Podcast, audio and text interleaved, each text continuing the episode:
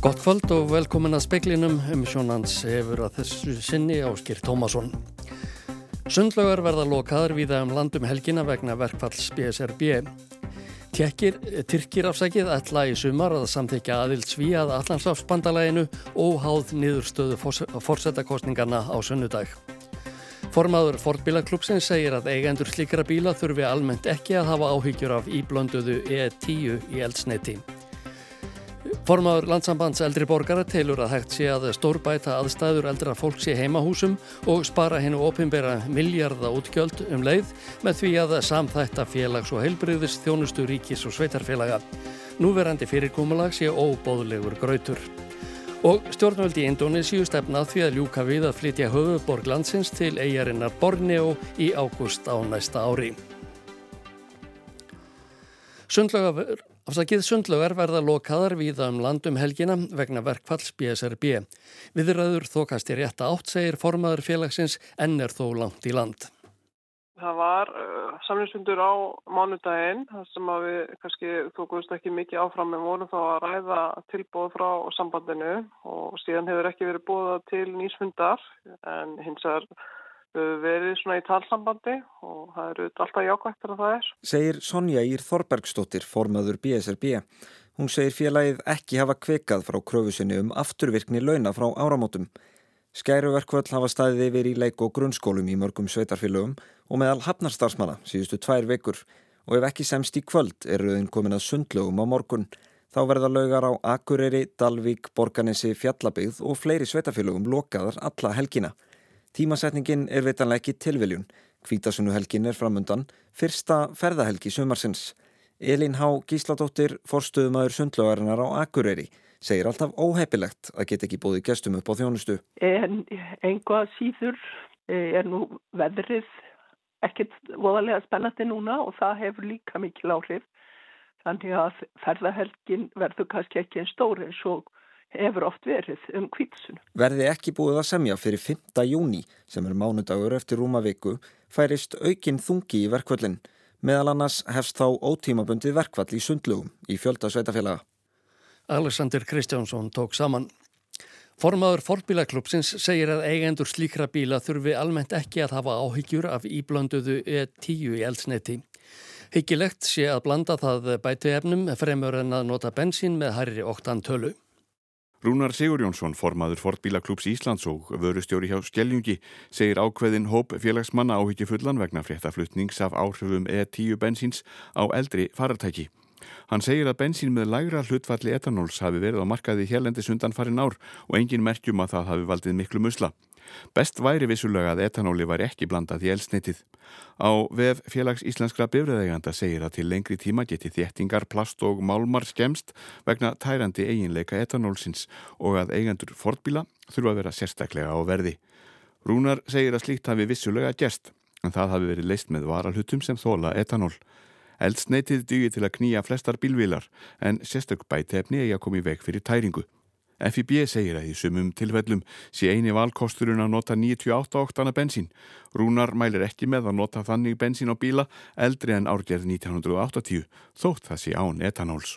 Einfallega vegna þess að brunarhæði eldsneiti sinns er ekki nægur fyrir þessi gömlu aukvutæki. Þannig að ef að 98 oktana bensín er ekki, að það hendar yfirleitt ekki þessum, þessum mjög gömlu bílum. Sjálfur á ég bíl sem er 31 árgerð og hann vil alls ekki svona svona eldsneiti sem er fyrir svona háþjöppumótor og hann gengur bara mjög illa á því. Saði Rúnar Sigur Jónsson, Markus Þórhaldsson talaði við hann. Innviðar á þeirra kynnti í dag samgöngu áallum til næstu 30 ára sem felur meðal í annars í sér gjaldtöku á umferð, framkvæmdir við 10 ný jarðgöng og nýja flugstöð á Reykjavíkur flugvelli. Samgöngu áallunin er til næstu 30 ára og felur í sér 5 ára aðgerð áallun. Sigurður Ingi Jóhansson lagðana fyrir ríkistjórn í morgun áður en hún verður svo kynnt fyrir alþingi. Já, hún er auðvitað lituð af því að, að við, hún svona passar inn í ramma fjármálagallunar og við erum auðvitað í miklu þenslu umhverfi. Sigurður Ingi tekur fram að talsvert verði um nýjar framkvæmdir en að stórum verkefnum, til dæmis á Reykjanesbraut, Suðurlandsvegi og Dinjandisheiði verði haldið áfram.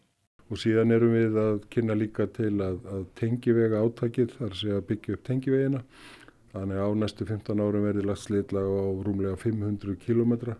Það kosti um 2,5 miljard árlega. Einnig eru umfangsmikil jarðganga áform því í 30 ára áallunin er gert ráð fyrir að fara í framkvæmdir við tíu nýjargöng og fjögur önnur sem eru enn til skoðunar. Hins vegar verði áallunin að fara fyrir þingið áður en upplýst verðu nánari útferðslu. Þá sé gjaldtaka á umferð partur á 5 ára áalluninni.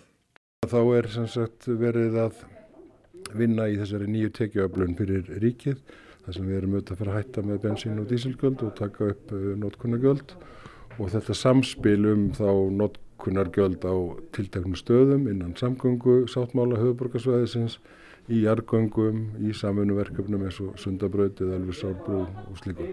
En fremur verður sett á svo kallað varaflugvallagjald sem á til dæmis að nota til að stækka eigilstaðaflugull og klára uppbyggingu á akuriraflugulli. Og eins hérna á Reykjavík að, að hérna, viðhalda Reykjavíkur flugvelli, viðhaldinu þar og byggja nýja flugstöð. Sagði Sigurður Ingi Jóhansson, Sunna Karin Sigurþórsdóttir talaði við hann. Frans Páfi þurfti að aflýsa öllum fundum og viðburðum í dag vegna veikinda. Þetta kemur fram í tilkynningu frá Páfagarði. Tveir mánuður eru síðan Páfi þurfti að leggjast á sjúkrahúsi þrjáð sólarhinga með lungna kvef. Hann hefur einni átt bátt með gang vegna verkja í njám. Ekki er vitað hvaða fundum Páfi frestaði en það var engin verkefnaskrá byrt í dag en slikt er venjan á föstu dögum. Matteo Bruni, talsmaður Páfagarðs, vildi ekki upplýsa hvað ángraði Páfa. Frans sagðist í viðtali við miðjuðilinn Telemundo í gær við er áriðin bísna hress, hann sé betri í fótonum að þótt sumir dagar séu erfiðir. Stjórnvöldi í Tyrklandi hafa heitið því að aðildar um sókn svíja að Allandsláfsbandalæginu verði samþygt í sumar óháð niðurstöðum forsetakostninga í landinu. Bandarækja menn segjast hafa fengið loford fyrir þessu. Svíjar sóttu um aðelda NATO í mæi fyrra, samlega finnum. Finnar gengur svo í bandalægið í aprili ár en þá hafðu öll aðeldaríki lagt blessun sína yfir umsóknina. Það hefur gengið erfiðar hjá svíjum að sannfara annars vegar ungverja og hins vegar Tyrki um að hleypa sér um borð. Sænsk stjórnvöld hafa reynd að koma til móts við Tyrki en benda á að sumar kröfur gangi gegn sænskri stjórnarskrá til að mynda krafan um framsal kurdískra flótamanna. Letuar Allandsafsbandalagsins hittast á fundi í Vilnius í júli sem þykir tilvalin tími til að ganga frá aðeldarum svo svíja. Fjölmiðlinn Politico hefur eftir Michael McCall, formanni utaríkismálunendar bandaríska þingsins, að Tyrkir að við heiti því að samþykja umsóknina fyrir þann tíma. Er þetta sett í samengi við kaup Tyrkja á F-16 orustuþótum frá bandaríkjónum? Við höfum verið fullvissuð um að eftir kostningar verði aðeild svíja samþygt og óháð því hver vinnur, segir McCall og vísar til fórsetakostninga í Tyrklandi. Síðari umferð millir fórsetans Erdóan og áskorandans Kilistaróglú verður á sunnudag og er mjótt á munum. Alexander Kristjánsson sagði frá. Í aðgerða áætlun stjórnvalda um þjónustu við eldra fólk næstu fimm ár er megin áherslan lögð á að gera fólki kleift að búa sem lengst heima hjá sér. Til að það gangi upp er brínt að tryggja fólki þá þjónustu sem það þarf og á að fá Nökra og vapningalust, segir Helgi Pétursson, formaður landsambands eldriborgara sem tók þátt í að móta aðgerða áallununa. Í mínum huga þá er þetta þannig að ég sé þetta fyrir mér, sko, einstaklingurinn þarf þjónustu og hann á bara að fá hana, saman hvað hann kemur. Við þurfum ekki að fara að grísja eitthvað í því, hver á að borga og hver á ekki að borga og hver á að koma og hver á ekki að koma. Og hérna, mér finnst það eiginlega frá, frá fyrsta degi, þá, þá hérna, gerði ég mér alveg grein fyrir því að þegar fórum að tala við svona ymsa aðila sem að málið varðar, þá fann ég alveg að sko fólk var að segja það er ekkit nýtt í þessu sem er verið að hugsa hér. Við erum búin að tala um þetta í 30 ár, 40 ári að bara liggur fyrir að það verður að gera eitthvað í þessu. Við getum ekki haldið svona áfram að þess að læknirinn, hjúgrunakonan og félagsstjónust að sveitafélagana tala ekki saman. Og það eru þessi hlutir sem að, við erum að, að laga. Uh, maður er búin að sjá, að heyra af alls konar dæmum að sko, einstaklingu sem býr heima hann er kannski að fá ykkur að fjórar heimsóknir yfir daginn. Eitt sem má, má klæðan eitt sem má hjálpa hann að borða en hann má ekki, hann má ekki klæðan og svo eitt sem hérna, tekur aðeins til en hann má ekki hjálpa hann að borða og alls konar svona hlutir. Og einn er frá sveitafélaginu annar bor, borgar á ríkinu og allt þetta. Þetta gengur auðvitað ekki. Og þetta er bara, þetta er bara grautur sem við verðum að laga og, og, og hagnast auðvitað allir á því og fyrst og náttúrulega bæta þjónustuna við einstaklingarna. Og þessi aðgerða átlun uh, miðast fyrst og fremst að, uh, að því að, að bæta þennan Já. þá. Og þessa hugsun sem sagt, sko, að samþætta lutina, við erum kannski með hjúgrunarheimili í einu, einu þorpi og, og það eru 20 km í næsta þorp og það er líka hjúgrunarheimili með sikkur stjórninni og allt þetta, skilur. Það, það, er, það er alls konar svona lutir sem við erum að, að taka saman og, og Ég trúi því að við séum að spara sko miljardar á þessu og ég, ég finn það líka alveg frá, frá fyrstu tíð í þessu að, að menn myndu, menn alltaf gera þetta. Það er í fyrsta lagi búið að skaffa peninga í þetta alls saman til þess að gera þetta og, og, og þeir, sko, money talks eins og, eins og sagt er. En, og þannig að það er ákveðið og síðan, sko, hefur þetta notið gríðarlega velvildar allra sem að, þessu koma. Hjúgrunarstjettir, félagsstjónustu stjettinnar, þingmenn, þingið, vil, sko, bara er samhuga um þetta alls saman að gera þetta og sveitafjölun þau þurfum að koma inn í þetta líka. Já, já, almáttuður og það er þessi, það er þessi hvað sé, deila um veist hver á að borga? Eitt af því sem, að, af því sem við erum svona nálgast er það að það verði jáfnvel einhvers konar sameilegur sjóður eða einhver einn aðili sem borgar það sé ekki að vísa á þennan og vísa á hinn og það sé að það freka sapnað í þennan á þennan eina aðila sem að tekur að sér eksturinn en það sé ekki að, að já, við hefum ekki að gera þetta og við hefum það ríkið á að gera þetta eða sveitafélagi á að gera þetta.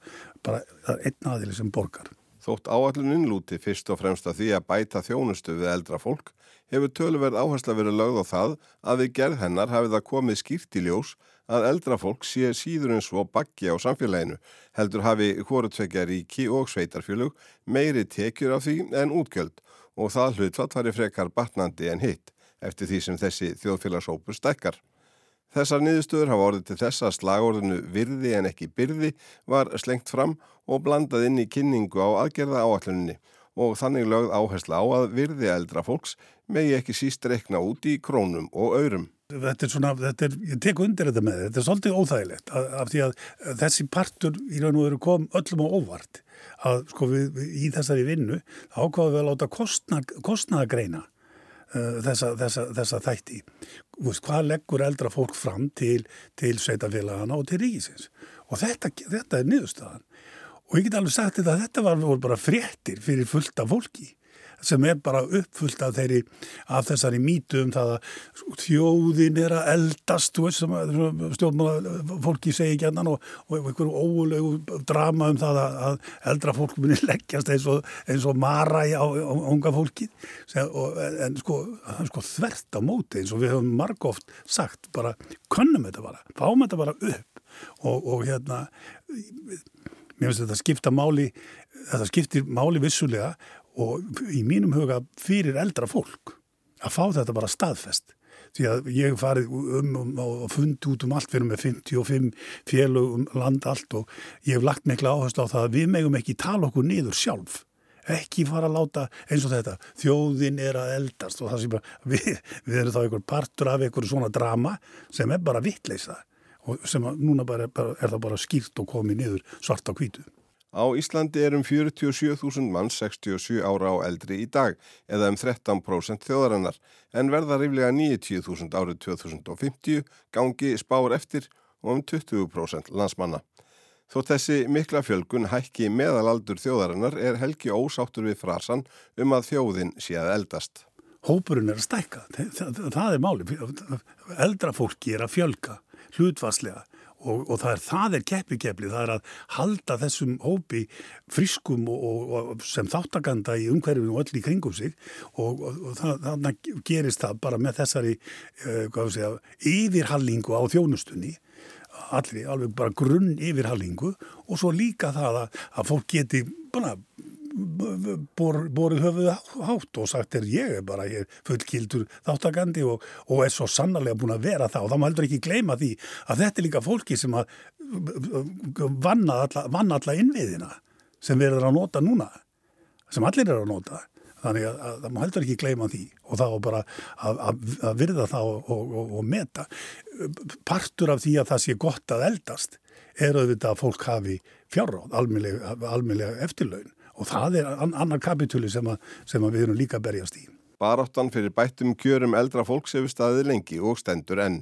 Fyrir þessum mánuði var emt til mótmælafundar á Östurvelli undir yfirskriftinni Rísum upp, þar sem fulltrúar vaff R, hagsmunarsamtaka heimilana, samtaka leyenda og landsambands eldriborgara, mótmæltu versnandi kjörum almennings í skugga vaksta hækkana, húsnæðis eklu, þrenginga í heilbríðiskerfinu og ofsa gróða fjármálafyrirtækja. Helgi talaði fyrir hönd samtaka eldri borgara og spurði meðal annars hvernig það mætti vera að öll samfélagsleg kerfi og ofinberð þjónusta hjá þessari þjóð sem þó eigi að heita eins og ríkasta í heimi séu van fjármögnuð. Helgi fagnar henni nýju aðgerða á allum stjórnvalda og er bjart síðan á að hún gangi eftir en hún tekur aðeins til þjónustu við eldra fólk og samþættingar hennar en ekki lífskjara almennt. Nei, nei, hún gerir það ekki, en, en sko það að, að það sé verið að, þú veist, að, að við erum að taka á þessum hlutum og þessum þá, og, og umhverfi, hvað segja, eldra fólks, við, við, við, við hefum land í land í húsnæðismálum eldra fólks og svo auðvitað í, í því að, að fólk hafi mannsæmandi kjör sem, sem, sem margir hafa. Ég bara, við skulum ekki fara, fara hérna, graf, grafgötu með það, það fölta fólki sem hefur það fínt sem betur fer, enda á það bara hafa það fínt eftir, eftir 50 ára þáttöku og aðdurum á vinnumarkaðu og allt það ég held eins og að, að, að þessi, þessi ég segja, vakning að, og vitundarvakning um það að eldra fólk leggji svo sannarlega með sér inn í, inn í samfélagið það styrkir okkur í, í þeirri kröfu að nú verðum við bara að laga þessar hluti. Við megum ekki, við erum með neðstu þrjár tíundinnar allavega, við erum með fólk undir fátakramörkum sko og ég hef setið fundi þar sem við verðum að ræða það eitthvað. Og menna að segja við, að, við verðum að gera eitthvað í þessu, við verðum að gera eitthvað í þessu, svo gerist ekki neitt. Og það, þetta er alveg sagt, við erum búin að fara og tala við alla. Og ég upplifi það núna þegar þetta er svona pattstaða eða, eða svona við styrkur í þessu að því er ekkit að segja við okkur talið nú við þennan og talið við hinn og erum búin að tala við það, við erum búin að gera það. Og það er allir búin að lofa að gera eitthvað. En enginn hefur staði við það og það, það á við alla. Þetta sagði Helgi Pétursson, formaður landsambands eldri borgara, Ævarur Njósefsson tók saman.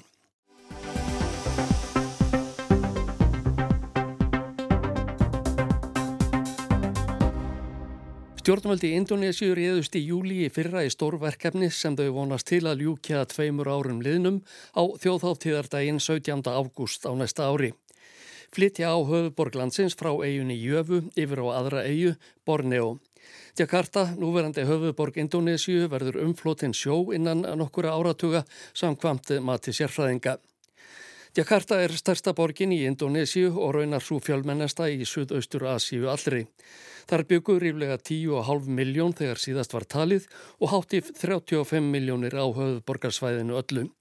Jakarta er miðstöð efnahags- og menningarmála í Indonésiu og þaðan hefur gjörfullu landinu, þriðja fjölmennasta líðræðis ríki heims, verið styrt frá því að það öðlaðist sjálfstæði árið 1945. Frá þeim tíma hefur íbúafjöldin meira en 30 faldast. En höfuðborgin fráfarandi hefur sína djöbla að draga svo að vitna sér frétt AP fréttastofunar. Jakarta er yfirfull af fólki, menguð og er að sökva hratt í jöfuhafið. Því hafa stjórnvöld ákveðið að flytja höfuðborgina og reysa nýja á borni og eigu. It's uh, quite obvious that uh, this is not the natural uh, causes, yeah. So it's more like a human impact 30 years from now, yeah. So it's 40% of the total area of Jakarta will be flooded. Það blasir við að hörmulegt ástand borgarinnar er ekki af völdum náttúruhamfara heldur af mannavöldum. Eftir 30 ár verða 40% borgarinnar umflotin vatni, sagði Heri Andreas jarðfræðingur þegar hann síndi frétta fólki Arte sjónvarpstöðvarinnar hvernig hluti borgarinnar er leikinn. Hann síndi því meðal annars nokkrar ofinberar byggingar sem standa auðar eftir að sjór tókað flæða inn í þær.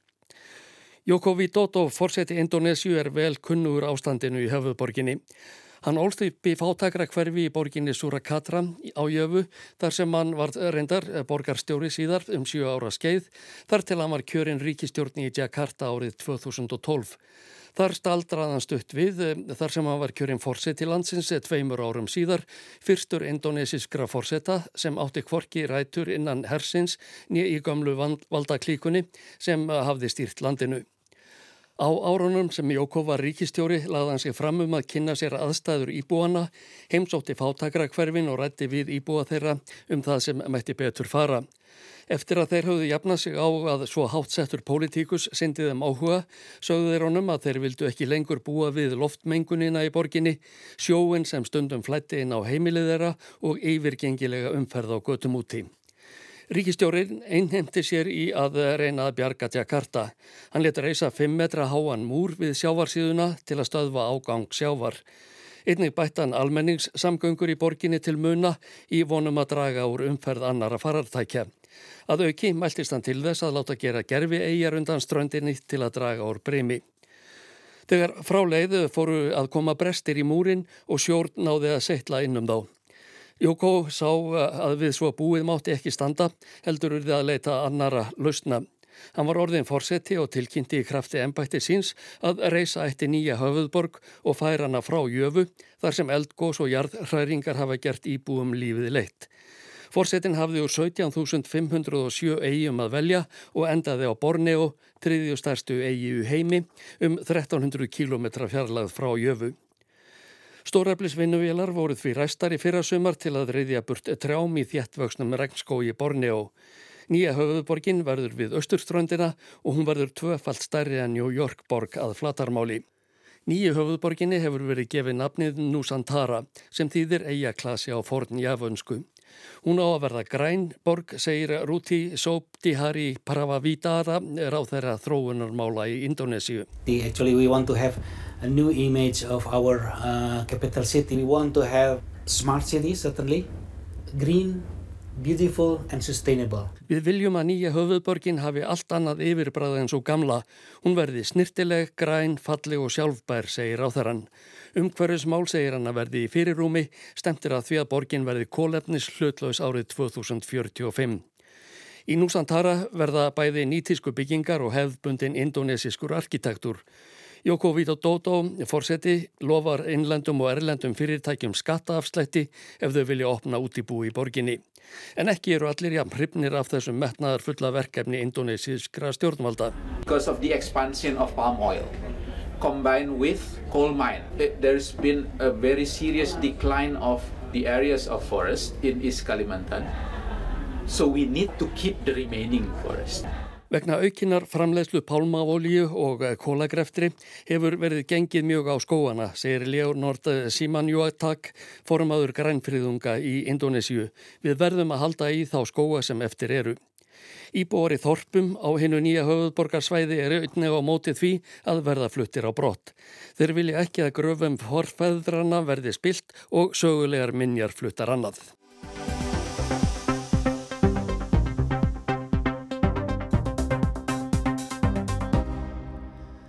Einu sinni hugsuðu Danakonungar eins og Pútín Rúslandsforsetti.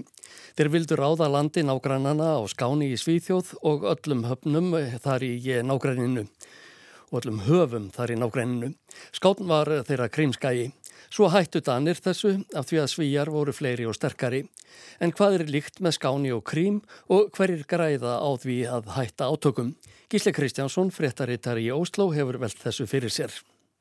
Það er ekki endilega sprottið af góðum hug en þó vinarþeli að hér í Norgi leifi fólk sér að segja að Danir sjáu enn eftir því að hafa mist skán í hendurnar á svíjum. Skátn er álíka eftir svo tjerað og til dæmis krímskægin við Svartahaf. Af Ísur er liðin ár og aldir frá því að Danir gáist upp á að ná ný yfiráðum yfir sviðstu héruðum svíþjóðar. Átökum þar fyrir löngu lokið. Þjóðurnar eru hættar að berjast um yfiráð yfir sjó og landi við skán, eistrasalt og eirasund, engar sérstakar hernaðar aðgerðir í gangi. En hvað ef svo væri ekki? og að deilur um yfirráð yfir söður Svíþjóð og sjónum þar í kring veru enn eldheita rétt eins og núna er söður við Svartahaf. Já hvað ef aldrei hefði tekist að ljúka þessum óstöðvandi Norðurlanda ofriði sem blossaði upp aftur og aftur. Og jáfnvel friðsamir menn eins og Jón Bóndir Hegviðsson og Reyn urða berjast fyrir kongsinn í stað þess að sinna búi sínu heima á Akranesi. Þegar aðeir gáð er glettilega margt líkt með stríðinu sem núna stendur um hver eigi að ráða krímskaganum og hver ætlaði sér að hafa öll völd við Eirarsund og hver vildi ráða yfir svo ágætu landi sem skáni og nærlikjandi héruðum. Verðmætt og eftirsótt lönd á báðum stöðunum, vel í sveit sett, afbræðskóðar bújarðir og samgöngur og landi og sjó. Sá sem ræður þessum héruðum græðir ekki bara vel, hann getur líka stjórnað ferðum annara, komið sér upp herstöðum og sagt nágrönunum fyrir verkum, deilt og drotnað í krafti valdsíns. Danakonungar hafðu lengi hug á svona aðstöðu. Eittu ítrekað öllu úr ríkiskassanum til að ná markmiðum sínum en urðu að lokum að gefast upp á baslinu eftir miklar mannfórnir. Málið núna glemt og helst normenn sem vilja halda því fram að Danir harmi enn hlutin sinn og horfi öfundar augum yfir á skán. En hvað er líkt og hvað er ólíkt með krím og skáni? Sá sem ræður þessum hérðum getur stjórnað allir umferð á nærlíkjandi hafsvæðum, hvort sem það er á Svartahafi eða Eistrasalti. Þetta er gert með hervaldi og óvinnandi flotastöðum. Núna eru sund á milli landa þarna brúuð. Eirarsundsbrúin er 16 km lang en Krímbrúin yfir Kretsund er 19 km. Munur er þó að Krímbrúin er óskadraumur Pútins rúslandsforsetta og hann vil ráða báðum endum á brúnni og gerir það núna. Annar endin á Eirarsundsbrúnni er hins vegar á Dönskulandi og hinn á Sænsku. Það er auðvitað ótækt ástand ef menn vilja sína vald sitt og kenna nágrununum hver ræður. Brú er sjálfgefið átakasvæði ef menn er í stríðshug. Nú og svo má ekki gleima að svíjar ega gamla og ægilega flotastöði í Karlskróna, rétt austan við skán. Rússar hafa sína stærstu flótastöði Sevastopol siðst á Krímskaga. Frá slíkum stöðum er hægt að stjórna allri umferð á nærlikjandi höfum, hvort sem það er eistrasalt eða svartahaf. Svíjar gætu hótað árásum á Kaupmannahöfn frá Kalskróna. Bara ef þeir var ekki búin að setja flótastöð sín á heimsminjaskrá UNESCO. Kalskróna er samgripur en ekki Sevastopol. Nú ásó fólkið og tungumálið. Fólk á skáni hefur lengi þó talað dönsku skotið mál og tilraunir svíja til að venja þá af því hafa borið misjafnan árangur. Það eru ekki skörp skil á milli tungumála þarna og þjóðir blandaðar. Sama er við Svartahaf, þótt hvergi hafi verið gengið svo hart fram sem á krím þegar Stalin skiptu um þjóð þar. En íbúar á skáni eru í það minnsta öðruvísi en aðri svíjar og þó ekki danir. Og svo er það landið sjálft. Á báðum stöðum eru jarðir ákaflega búsaldarlegar ef friður ríkir og enginn hefur sáð jarðsprengjum í agrana. Sovjetmönnum tókst að vísu að leggja besta landbúnaðaland heims í öðun en ef bændur fá að stunda búsín í friði á báðum þessum stöðum vangast þjóðarhagur. Og núna er Eirarsundsvæðið sem tengi Skán og Sjáland mesta vakstarsvæði í atvinnulífi, tæknu og menningu á Norðurlöndum en við Svartahaf ríkir vonleysið eitt. Gísli Kristjánsson saði frá. Og þá að veðri, mjög fast getur orðið á landinu í nótt og á morgun. Veðurstofan hefur gefið út gula viðvörun sem tekur fyrst gildi á vestfjörðum, ströndum og norðurlandi vestra sent í kvöld. Þar er spáð snjókomu og lélegu skegni á fjallvegum. Í nótt og í fyrramálið ganga svo í gildi viðvaranir á Norðurlandi, Östurlandi, Suðurlandi og að miðhálendinu. Spáður vindstyrk alltaf 25 metrum og alltaf 35 í hviðum. Og nýjasta viður spáinn hljóðar svo eh, að það er gert ráð fyrir söðulegri átt, 8 til 15 og regningu, engum um vestamert landið en úrkomulítið norðaustan til síðdegis. Hitti verður 7 til 15 steg, hlýjast á norðaustur og austurlandi. Vestlag átt 10 til 18 í kvöld, kvassast sunnan og vestanlands. Gert er ráð fyrir norðvestan 10 til 18 í fyrramálið en 15 til 25 suðaustan og austan til. Regning verður norðanlands en slitta eða snjókoma til fjalla, annars úrkomi lítið. Stittur upp eftir hádegi og dregur talsvertur vindi.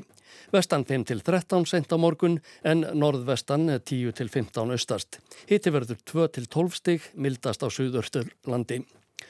Fleira er ekki speklinum í kvöld. Tækni maður var Magnús Þorstedt Magnússon. Frétta útsendingu stjórnaði Anna-Lísa Hermannsdóttir. Verði sæl og góða helgi.